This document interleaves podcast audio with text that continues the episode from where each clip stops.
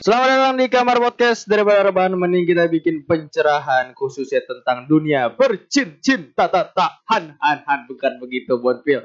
Ya ilah diem lagi. Kaget gue bangsat. Oh, kaget Kan gue ya. mau pakai headset nih. Yo Lu tuh ya. Kaget gue. Biar happy aja gitu. Iya, paham. Iya. Cuman ada bridgingnya tolong. Iya, Kasih iya, tahu iya, iya, kan iya. gitu. Tapi ngomongin soal percintaan lagi dan lagi tidak dan bukan nih. Bukan Ah. dan tidak juga bisa gitu. Ngomong loh. apa sih? Gak jauh kalau ngomongin cinta pasti tentang hati dan perasaan bukan begitu Bonpil. Betul. Tapi khusus hari ini Bon, Heeh. gue pengen bahas tentang kerasnya patah hati, kerasnya perpisahan, Idi. rapuhnya hati yang telah disakiti Idi. dan ditinggalkan. Idi. Di mana kita sudah melalui eh, fase perkenalan, terus tiba-tiba sampai di akhir Iya. kita harus berpisah gitu ya. Kalau kata orang, ada pepatah Bon, ketika lu telah siap dengan perjumpaan, lo harus siap dengan kata selamat tinggal. Betul. Betul. Di mana ada perkenalan di situ pasti ada Lebih perpisahan. tepatnya seperti itu. Heeh, Karena itu saya belibet nih. Tahu sih. Udah jam 3 kan ya, Ah, mata ah. udah sepet, tapi tidak mengurungkan niat saya untuk terus berbagi informasi tentang cinta. Bon. Asik. Tapi enaknya Bon, Apa tuh? enaknya di jam-jam segini nih. Oh, kirain Sesuai. enaknya bercinta. Enggak ya? dong, enggak dong. Itu Itu mungkin di konteks lain ya. Bercinta ya. Wait, kenapa tuh? Ada apa tuh? Ada gempa. Oh, ada gempa. Ada gempa. Gempa itu dis- bukan disebabkan oleh lempengan api gitu, enggak, Bon. Heeh. Terus karena hadirnya temen gua, Heeh. bukan temen sih, sahabat lah, keluarga Idih. Batah, konco kental gua Idih. dari SMA. Enggak lain enggak bukan Marsya Jufriza. Ya ilah, Marsya tunjukin sedikit dong suara manis lo itu. Sedikit. Halo. Idealah. Ya Allah. Kecilan lagi dengerin lagi Kecilan. dong coba. Gedein lagi dong. Halo. Halo. lagi. So Eh, seksi banget Bukan gitu so seksi. Bon. Itu apa dia eh, apa namanya beradaptasi sama tema yang akan kita bahas Oh, hari ini. gitu. Tentang apa tadi kerapuhan, Kerapuhan. akibat ditinggalkan, keretakan hati, Heeh. kayak gitu. Jadi dia Kayaknya gloomy kayaknya gitu. lagi siap banget nih untuk jadi narsum kita kali ini. siap banget. Ngelihat ekspresinya kayaknya tuh lagi sendu banget. Parah, sendu banget. Kayak Ini- lagi merasakan apa gimana nih? Iya, kita gambarin aja supaya apa sih? Emang dia kenapa sih? Nah, kita gambarin kalau Mars itu lagi sendu banget nih. Oh gitu. Cak, Sebelumnya Bram, sorry. apa tuh apa tuh? Jadi tema kita kali ini apa Bram? Nah, ya, tema kita tuh adalah eh karena dalam suatu hubungan kadang ada beberapa pasangan yang mudah banget bilang kata putus atau mudah banget berpisah. Heeh. Nah, gue pengen bahas faktor-faktor apa aja sih yang bisa bikin hubungan tuh sorry ya sebercanda itu. Widih. Pengen bahas aja gitu. Karena Tapi- biasanya kalau misalkan berantem dikit aja bilang udahlah kita putus aja lah Iya. gitu ya. Iya tuh. Pernah sih, pernah sih gue di Ah. di masa itu. Tapi sebelum kita melalang buana jauh, apa Ah. kabar sih Marsya? Baik. Idialah. Gue mulai sebel nih lo. Lo suara lo kecil gitu. Gede dong Sya. Baik. Ide. baik. Gimana Iyalah. gua nih yang ngemonitor nih lebih Iya. sebel lagi. Lebih sebel lagi ya. Biasanya nggak gini soalnya. Biasanya nggak gini ya. Tapi mungkin ya emang kita harus di sini. Apa namanya sebab melalui podcast ini sering kita pengen dengerin cerita Marsya, kita pengen ngehibur Marsya juga, Bon. Oh iya, benar, benar. itu. Berarti kabar baik ya Sya ya. Lagi sibuk apa hari ini, Cak? Saat ini, sorry. Ini sih lagi podcastan kan sama kalian. Saat ini kan bisa bisa jawabnya kan bekerja. Benar sih ya. kalau saat ini Iya sih. lagi podcast bener Ah, nggak ah, salah dia. Selain suaranya kecil, emang karakternya agak menyebalkan nih Bon ya. Emang Ah, ah. dari dulu kan itu. Iya.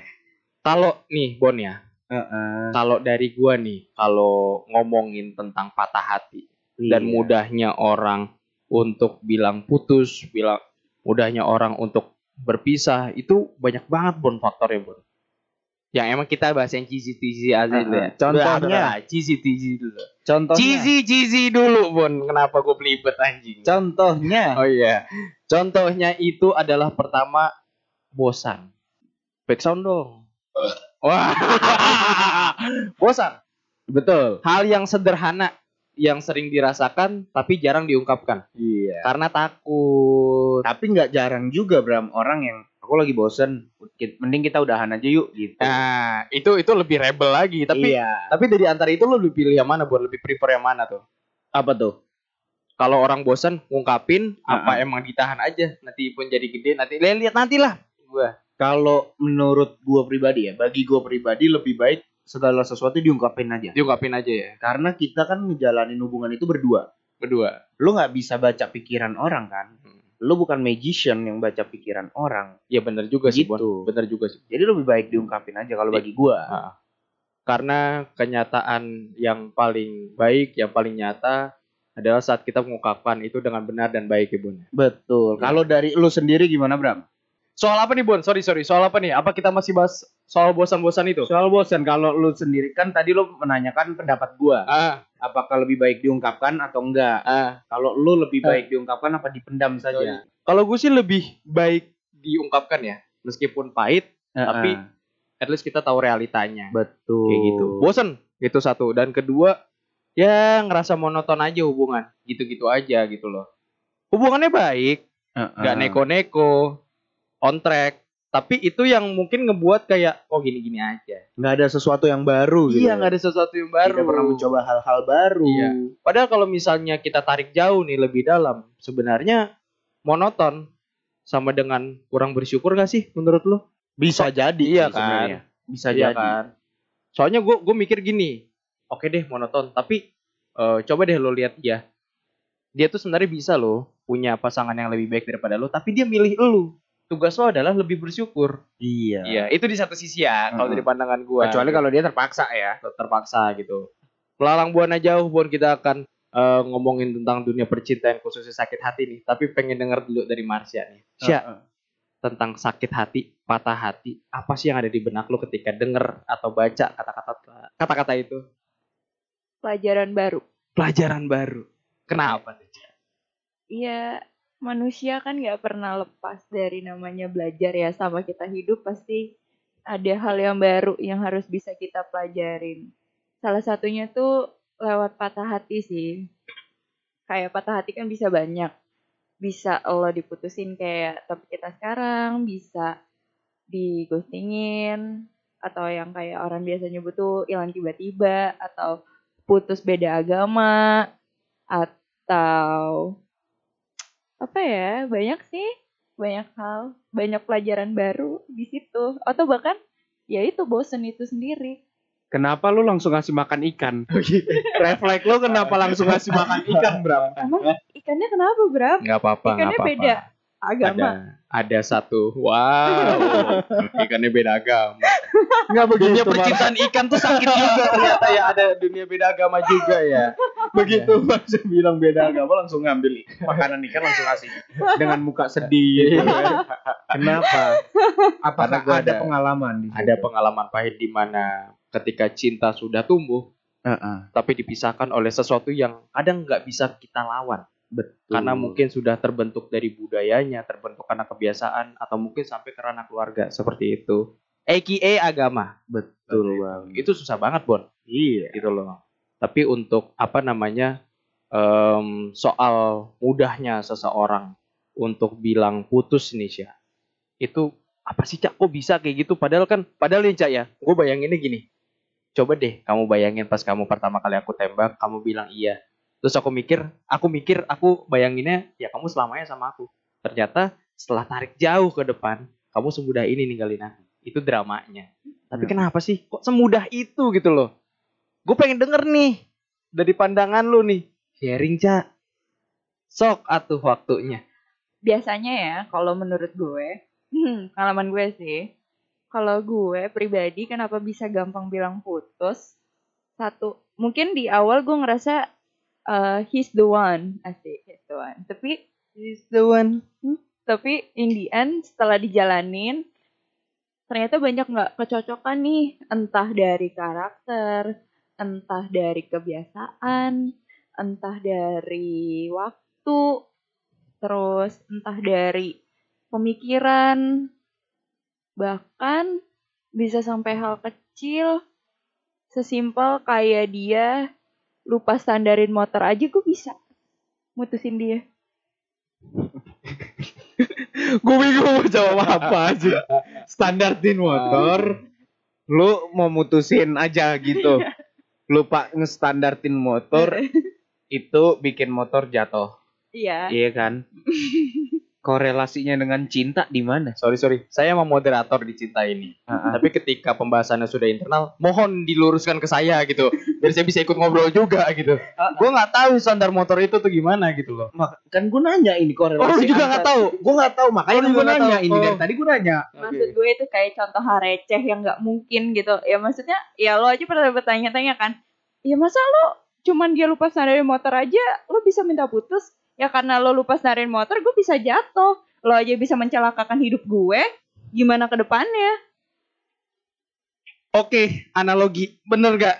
Analogi kan itu nggak ada dong beneran orang orang apa namanya mungkin jadi pasangan lo lupa standar dari motor lo putusin aku nggak suka sama cara kamu Iya. sama standar motor aja kamu lupa gimana sama aku nggak ada kan kayak gitu sih ya Mungkin real real sampai saat ini Eh, belum ada sih. oh belum ada ya aman bon analogi bon masih aman bon Masih karena ketika ketika apa namanya itu menjadi kenyataan Marsha adalah salah satu orang yang menurut gue apa detail banget berpikir ke depan Sampai sedetail itu soalnya sampai ya. sedetail itu gitu loh Ca. Karena gue mikirin kalau gue pribadi nih ya, Bram. Kalau gue pribadi, gue habis kalau naik motor nih, pas nyampe tujuan, kalau gue boncengan, gue nyuruh boncengan yang diboncengin gue turun dulu nih. Iya. turun baru gue standartin motor gue turun dari motor kalau dia kan bilangnya kalau standar motor aja kalau kamu lupa aku bisa jatuh Mm-mm. itu gimana Iya. korelasinya gue masih belum dapet tuh cuman dengan analoginya oke Oke, hal Iya. kecil. Ya, eh, eh, sedetail itu berarti iya. dia. Hal kecil yang apa namanya sebenarnya dari hal kecil aja bisa menyebabkan hal besar. Begitu kan Marsha? Tapi Tapi jadi Bram, panjang nih gara-gara standar motor nih. tapi sorry bro gue potong berarti di sini eh di gue ngoreksi aja berarti Marsha mengakui kalau dia sendiri adalah orang yang suka eh semudah itu untuk ngungkapin kata putus gitu berarti ya Sya ya? Iya. Oh, semudah itu. Mudah banget. Mudah banget buat gue ninggalin cowok yang menurut gue gak worth it. Oke. Menurut menurut lo nggak worth it. Iya. Iya. Apakah gini, Cak? Gue keponya adalah apakah saat itu lo melakukannya dengan sadar? Itu satu. Dan kedua, apakah sebelum lo mengucap kata putus, nggak teringatkah proses-proses kalian dekat, proses-proses yang mungkin menjadi alasan untuk lo, aduh jangan putus deh, menimbang-nimbang kembali maksudnya. eh sebelum ngomong putus biasanya gue misalnya gue deket nih sama orang gitu Eh ambillah waktu gue udah deket sama dia satu tahun gitu kan. Dalam satu tahun itu tiga bulan gue kenal dia eh berarti sisanya gue eh, berusaha memahami dia lebih dalam dong. Udah kenal paham gitu kan. Udah deket-deket udah mau setahun misalnya gitu. Tiga bulan pertama gue akan gue akan mengambil keputusan nih. Lanjut atau gue tinggalin gue berhenti di nanti di 12 bulan gitu. Jadi untuk sampai titik putus itu banyak pertimbangan menurut gue. Nggak bisa langsung kayak "Ah, udahlah gue mau putus aja gitu. Enggak tapi banyak eh, part yang dilihat di belakang gitu. Eh, tiga bulan pertama eh, apa kesalahan pertama yang nggak bisa gue toleransi? Terus eh, eh, di enam bulan dia salah apa lagi gitu. Mungkin di 9 sampai 12 itu baru gue mengambil eh, keputusan gue mau lanjut apa enggak gitu. Jadi eh, pengumpulan kesalahan kesalahan yang terjadi selama satu tahun itu yang menjadi eh, yang menjadi reason gue untuk eh, udahan sama seseorang. Berarti pacaran sama Mars ya itu kayak ada ujiannya Bram Iya. tiap semester satu semester itu berapa sih tiga bulan kan Tiga bulan. bener tuh Iya. tiga bulan selama setahun ada empat semester tuh per Iya. tiga bulan ada ujian Ada tuh. ujian. Berarti ini orang-orang kayak gini cocoknya kerja di lembaga pendidikan. Betul sebenarnya Ya, lembaga ah. pendidikan hati sebenarnya itu tapi mumpung ada makanya dia buat sendiri tuh lembaga ah. pendidikan hati di hubungannya bon betul Kayak gitu. mungkin dari sini dia mendapatkan inspirasi akhirnya dia bikin tuh lembaga Iya. pendidikan tuh ya. Tapi kalau dilihat bon Marsha tuh tipe yang apa ya? Kalau ibaratnya mobil dia megang kemudi bon. Kalau dilihat dari ceritanya nih ya Ah, barusan ah. dia megang kemudi. Karena dia yang menentukan apakah lanjut atau iya. berhenti tapi Gitu. tahu nggak? Enggak kesalahan. Bukan kesalahan sih em, akibat fatal yang diterima dari seorang kemudi kalau misalnya mobilnya misalnya kecelakaan dia tuh kadang dapat dampak yang lebih besar. Karena dia paling depan kan dia megang kemudi. Betul. pertanyaannya buat Marsha adalah lu sebagai apa namanya eh yang megang kemudi hubungan yang nantinya gue bilang melanjutkan dari hubungan gue yang nantinya lu bakal dapat sakit hati lebih besar gara-gara hubungan lu kandas apakah benar kayak gitu loh? Apakah apakah dampak dari lu eh, tra- ngatur hubungan lu lu dapat sakit hatinya juga lebih besar gitu loh daripada orang yang lo gituin. Ngerti nggak pertanyaan gue ngerti. Eh, tergantung orangnya sih kalau Hmm. gue. Jadi sebenarnya kenapa take time di tiga bulan menjelang di tanggal di 12 bulan itu di bulan ke-12 itu eh, menurut gue biar eh, keputusan eh, keputusan gue matang jadi gue udah bisa mengira-ngira sakit eh, gue bakal sakit hati yang kayak gimana sih dan gue take time berapa lama nih untuk heal dari perasaan sakit hati ini gitu Iya kalau dibilang gue sakit hati gue juga sakit hati tapi balik lagi ini konsekuensi yang yang udah gue ambil jadi ya gue mutusin untuk jalanin aja walaupun sakit dan walaupun ada trauma gitu misalnya ya satu tahun cuy Hmm. Sesakit apa sih, Cak? Maksudnya itu bukan sesakit apa sih? Em, apa namanya? Macam-macam sakit yang lu terima nih dari hubungan cinta yang tadinya lu kan sebagai orang yang cenderung menyetir hubungan nih. nggak apa namanya nggak bisa dipungkiri dong kalau lu kalau lu mungkin dapat sakit yang lebih daripada si cowoknya karena kan lu yang nyetir nih. Kita nggak ngomongin cowoknya dulu, dulu deh kayak gitu cak macem-macemnya. Gue tuh orangnya gue kan picky banget ya sangat picky mau temen atau mau orang yang deket sama gue dari gebetan sampai pacar tuh gue sangat picky itu gitu. Jadi ketika gue kehilangan satu or eh, seseorang mau mau itu sahabat pacar atau siapa pun pertama kali sakit hati yang gue rasain pasti kehilangan. Gue kehilangan eh kebiasaan yang udah gue buat sama dia. Gue kehilangan eh keberadaan dia, gue kehilangan sosok dia yang biasa nemenin gue karena menurut gue setiap orang eh, di hidup gue tuh punya porsinya masing-masing. Jadi ketika hilang satu, gue ngerasa ada porsi yang hilang juga gitu. Jadi satu sisi lo mengambil keputusan untuk menyudahi, tapi pasti satu sisi sisi lain lo akan merasakan lo kehilangan gitu ya. Iya, Pasti sih semua orang akan merasakan hal Iya. seperti itu ya. yang pasti pertama gue ngerasa kehilangan. Tapi kenapa lo berpikir sejauh itu? Maksudnya gini, kan kadang ada orang yang menjalani hubungan itu kan ya udah deh jalanin aja dulu. Kita jangan lihat terlalu jauh ke depan. Sedangkan kalau dari omongan lo itu kan mengungkapkan bahwa lo oh, itu orangnya yang pikirnya jauh ke depan. Hmm. Kenapa lu selalu menjadi orang yang seperti itu dalam dalam menjalankan hubungan? biar eh, agar gue tahu konsekuensi apa yang akan gue hadapin ke depan karena gue tuh orangnya nggak bisa mendadak gue orangnya itu sangat terencana dan memiliki perencanaan yang cukup matang tentang apa yang harus gue lakukan jadi eh gue nggak bisa segala sesuatu tuh tiba-tiba gitu. Gue harus harus ada reasonnya gue harus ada keputusan yang jelas juga dan gue nggak boleh menyesali keputusan gue itu. Karena itu akan berdampak kepada psikis eh, kedua belah pihak juga psikis gue dan psikis eh, pacar gue itu sendiri atau Hmm. partner gue itu sendiri. Jadi setiap keputusan yang gue ambil gue berpikir harus win-win solution entah itu putus atau gue sama-sama sama dia itu harus win-win solution entah gimana caranya Tapi gini, maksudnya kan per- eh, biasanya ada orang yang juga berpikir kayak kita nggak usah mikir jauh ke depan deh. Kenapa? Karena kalau kita berpikir jauh ke depan, yang ada kita akan takut untuk memulai hubungan ini. Kan biasanya ada aja orang yang kayak gitu tuh. Ada nggak sih yang pernah lo alamin?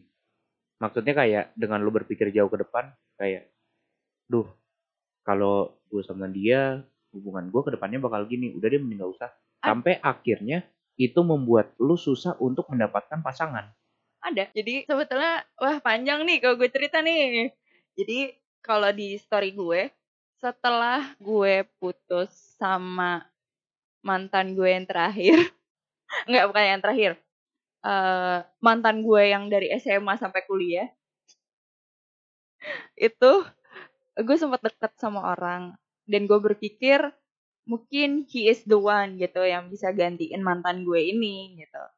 In the end pikiran gue yang berharap bisa long term sama yang eh, baru ini nggak sesuai ekspektasi gue bahkan jauh dari ekspektasi gue. Dan dari situ gue belajar dua hal mencintai dan belajar sakit hati Idi, mantep tuh Bram tuh kata-katanya. Dari sebuah hubungan kita belajar dua hal, mencintai dan belajar sakit hati. Kacau. Tapi kenapa putus sama yang pacar dari SMA? Oh nggak ke situ pertanyaannya, nggak ke situ ya? Enggak, buat. Eh, tolong kalau ngasih pertanyaan jangan yang bumerang ke Anda nih. Karena PR Anda masih saya. saya bingung jelasinnya nanti gimana. Jubir Anda masih saya nih. Emang ada apa dengan pertanyaan itu? Bakal panjang. Bakal panjang kenapa ya? Bakal next panjang. session kali ya kalau Hah? yang itu kali ya Last session kali. next session boleh Oh, next session boleh. itu seru juga soal Seru punya juga tuh. itu seru banget Ah, ah. Tapi nanti kali ya. iya nanti Tapi yang bikin gue apa namanya takjub sama lu sih, Ca, adalah lu dan pribadi lu yang selalu tertata untuk melakukan suatu hal. Selalu punya harus ada strategi, harus ada aturannya. Lu ajak banget, nggak boleh sembarangan. Lu kayak gitu kan? iya Tapi apa pertanyaan gue satu. Kalau misalnya gue diposisikan jadi lu, di posisi kayak gitu deh, gue terkesan nggak bisa menikmati kondisinya nih, nggak bisa menikmati keadaan, nggak bisa menikmati proses.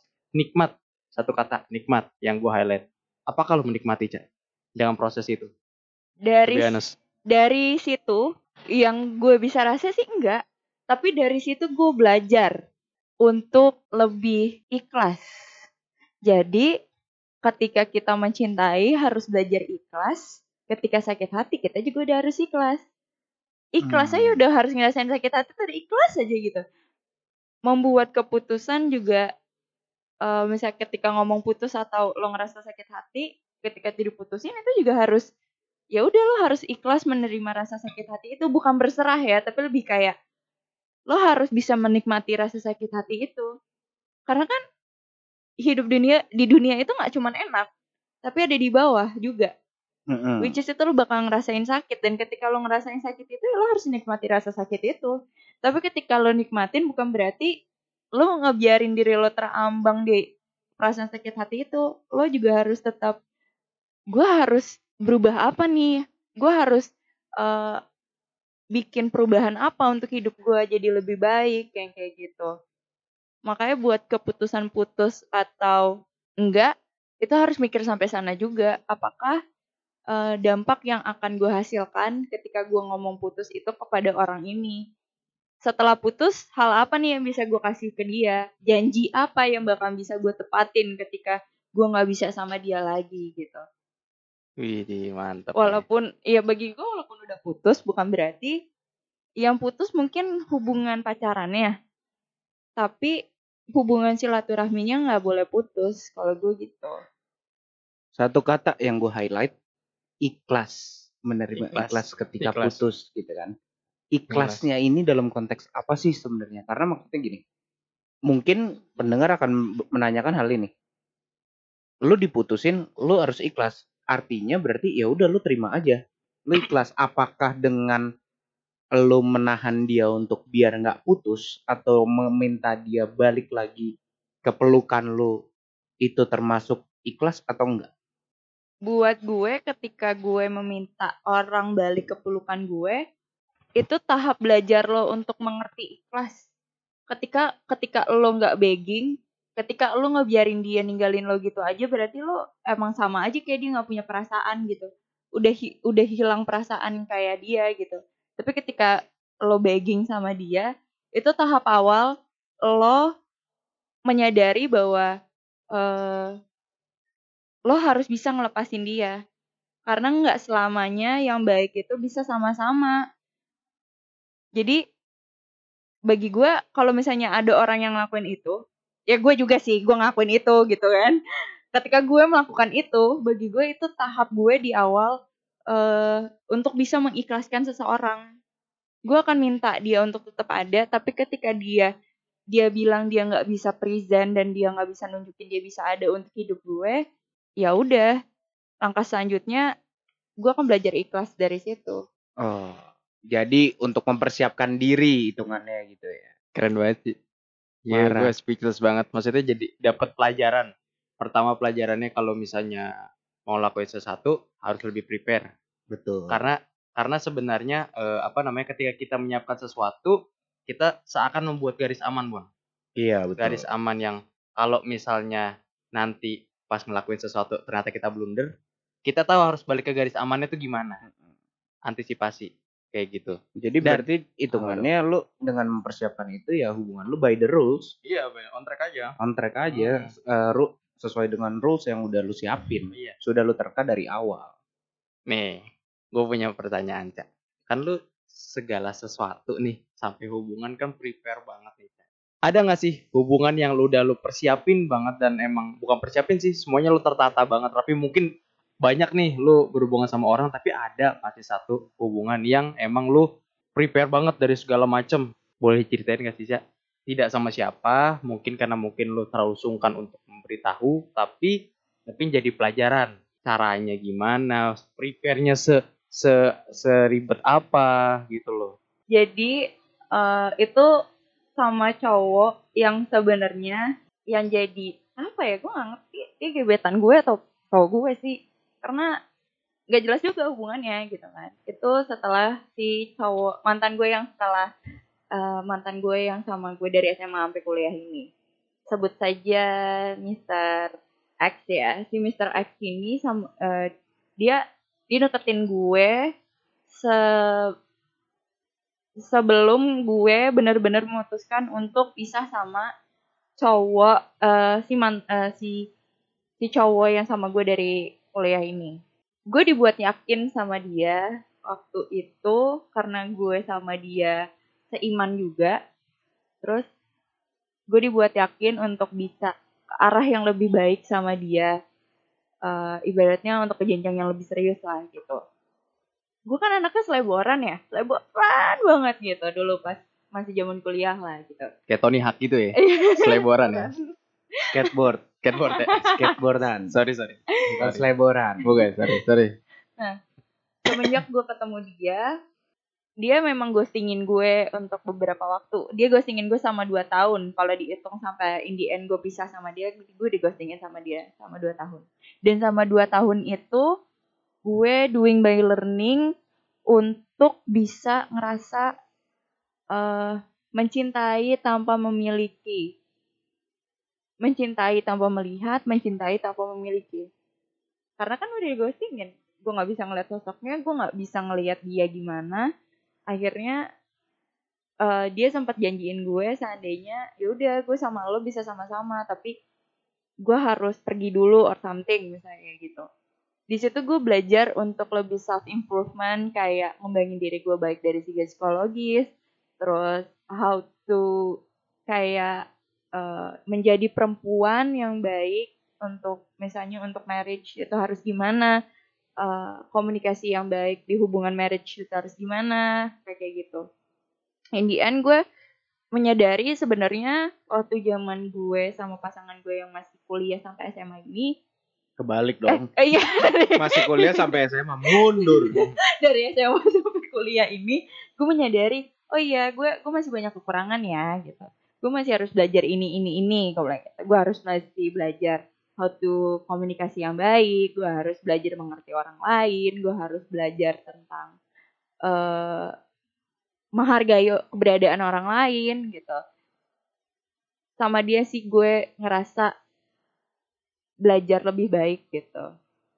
Jadi setelah akhirnya di akhirnya gue memutuskan untuk gak sama dia lagi karena gue ngerasa ya udah bukan jalannya gue sama dia gue bisa dapetin yang lebih baik dengan keadaan gue yang sekarang dan dia juga bisa dapetin sosok yang dia mau. Karena gue ngerasa perubahan yang terjadi sama gue yang awalnya keterpaksaan itu nggak bisa jadi eh, ketika gue sama dia sama-sama itu nggak akan baik untuk kedua belah pihak. Jadi ketika dia mutusin untuk udahan sama gue gue juga mutusin untuk udahan juga dan gue lebih ingin sendiri aja dulu. Dan itu eh berlangsung dan akhirnya itu membuat gue berpikir untuk nggak pacaran dulu untuk beberapa tahun mungkin ya. Hmm. itu di dua tahun itu gue milih untuk nggak punya pacar juga.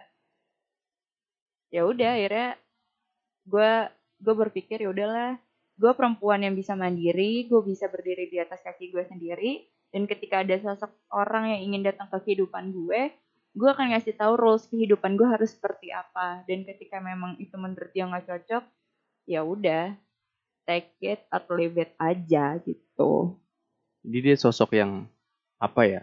Yang sabar dan ikhlas banget sih, Bon. Maksudnya da Daril ikhlas ya. Ini kayaknya sarapannya nasi, usus, nasi, usus, apa tempe orek sama ikhlas, Bon. Kenapa itu? saudara Marsha tuh. Makanya Kenapa harus ada nasi usus tempe orek sama ikhlas? boleh gue revisi gak sih Boleh, boleh. makan siang gue apa Oh, tahu tempe sama ikhlas. sama bihun Ah, baru ikhlas Baru ikhlas. Oh gitu. Baru ikhlas. Sangat ikhlas sekali orangnya. Itu itu bukan komedi. Iya. Itu konfirmasi kalau Marsha sukanya kayak itu makanan Ah, itu ah. kan ya. Tapi tetap maksud maksud gua kenapa kenapa ada ikhlas di setiap eh, lauknya kayak itu jadi makanan sehari-hari buat Marsha. betul. Ya, Tapi gue bingung satu hal nih. Ini pertanyaan terakhir Riz ya. Karena kayaknya lu udah udah dijemput ya sampai nggak tahu siapa itu ya yang di depan ya. Gimik anjing. Ngapain begitu? gue yang bingung iya. Kalau kalau gimmick tuh nggak pernah ada briefing soalnya. Iya. Gimik lu nembak lu. Jadinya gitu. Kita ulang ya. Kita ulang. Nih, Cak. Tapi gua punya pertanyaan terakhir karena mengingat gua nggak tahu di depan udah ada siapa tuh kayaknya jemput lo, Cak. Entah cowok lo, entah siapa gitu ya, gua nggak tahu. Tapi ini pertanyaan terakhir. Sering lo sebutkan tadi eh mantan gua pas apa SMA ke kuliah. Tapi sih dia disebut mulu emang berperan banyak, berperan besar apa? Emang, emang sih. Kalau buat gua, setiap mantan gua, gua sayang sama setiap mantan gua. Gua selalu mendoakan supaya dia sehat dan sukses selalu. Karena setiap mantan gua punya porsi yang berbeda-beda di dalam hidup gua. Bener nggak, Ca? setuju Nah, untuk si mantan lu yang apa namanya SMA ke kuliah itu disebut lebih dari tiga kali loh tadi. Makanya gue bilang sepenting apa sih dia gitu loh. Sedikit aja mungkin kalau Marsha nggak mau spill lah. penting banget cuy soalnya eh gue zaman SMA tuh sampai kuliah gue bisa dibilang mainin cowok iya suka selingkuh iya diselingkuhin juga iya tapi pas gue deket sama dia nih pas SMA bahkan ini orang tuh yang salah satu yang nge-trigger gue untuk berubah gitu kan dia itu sahabat gue, kakak gue juga, musuh gue juga, ya pacar juga, dan bahkan gak cuman itu, keluarganya dia, which is itu nyokapnya, itu nyokap gue juga, gue ngerasa ya sudah seintimate itu sama dia gitu. Gimana ya, gue gue nggak pernah ngerasain sampai detik ini ya, gue belum pernah ngerasain lagi bisa sedekat sama se sedekat itu sama pasangan yang bisa deket sama keluarganya, sama kakaknya, sama tantenya, sama omnya tuh. Dan eh, dia orang yang pertama yang benar-benar bisa buat gue mengerti cinta itu seperti apa gitu. Oke, kalau gitu gue minta pesan singkat nih. Pesan singkat sebagai penutup ya Bram ya. Iya. Pesan singkat untuk eh, sesuai topik kita kan tadi mudah banget untuk eh, mengucapkan kata putus sih. Dari lu nih, pesan singkat untuk para pendengar. Ada nggak sih pes- eh, pesan singkat untuk mereka yang ingin putus ke pasangannya? Berpikir dulu sebelum bertindak dan kalau udah bertindak siap menerima konsekuensi. Oke, Ya. cakep tuh, bener tuh. Memudahkan Anda ya. Heeh. Kok memudahkan gue? iya, untuk nyari ini, untuk nyari sinopsis. iya, Tadi untuk di Instagram kan? IG, bener. Iya, benar, benar, benar, benar. Makasih loh. Iya, makasih. Gue menyambung dari yang Marsha tadi, Bon, sebagai Ah. penutup lagi dan lagi nih penutup nih. Nah, penutup mulu nih. Iya. Gue pengen banget punya pacar kayak gitu, Cak. Nggak serius-serius, karena bisa jadi apa aja, pelengkap apa aja kan. Semoga eh gue bisa ke depannya punya pacar kayak gitu, gitu loh. Karena Kayaknya itu lu harus pacaran sama Sasa deh. sasak, emang kenapa tuh? Kan Sasa pemanis, pe- penyedap. Oh, micin, Sasa. micin. Oh Sasa, iya iya. Kenapa micin? Iya serangan fajar ya Bung ya Iya. dari belakang ya itu komedinya ya. Tapi nggak apa-apa Syat. Sekali lagi terima kasih ya Syat ya udah hadir di sini luangin waktu jangan lupa jangan lupa lagi jangan kapok buat main-main ke sini karena gua rasa omongan kita belum selesai buat panjang ini. Tapi karena udah ada yang nungguin di depan, ah. nyebelin juga itu masa tengah jalan dia parkir Oh gitu. tengah jalan makanya gua pengen buru-buru udahan ini si Marsha nih. Kita tutup aja kali Bon ya. boleh. Terima kasih telah mendengar Kamar Podcast. Jangan lupa dengerin episode lainnya hanya di Spotify kami, Kamar Podcast. Nantikan keseruan dan informasi selanjutnya dengan mengunjungi IG kami Kamar.prod. dan YouTube kami, Kamar Production. See you and stay tuned. Dadah. Bye.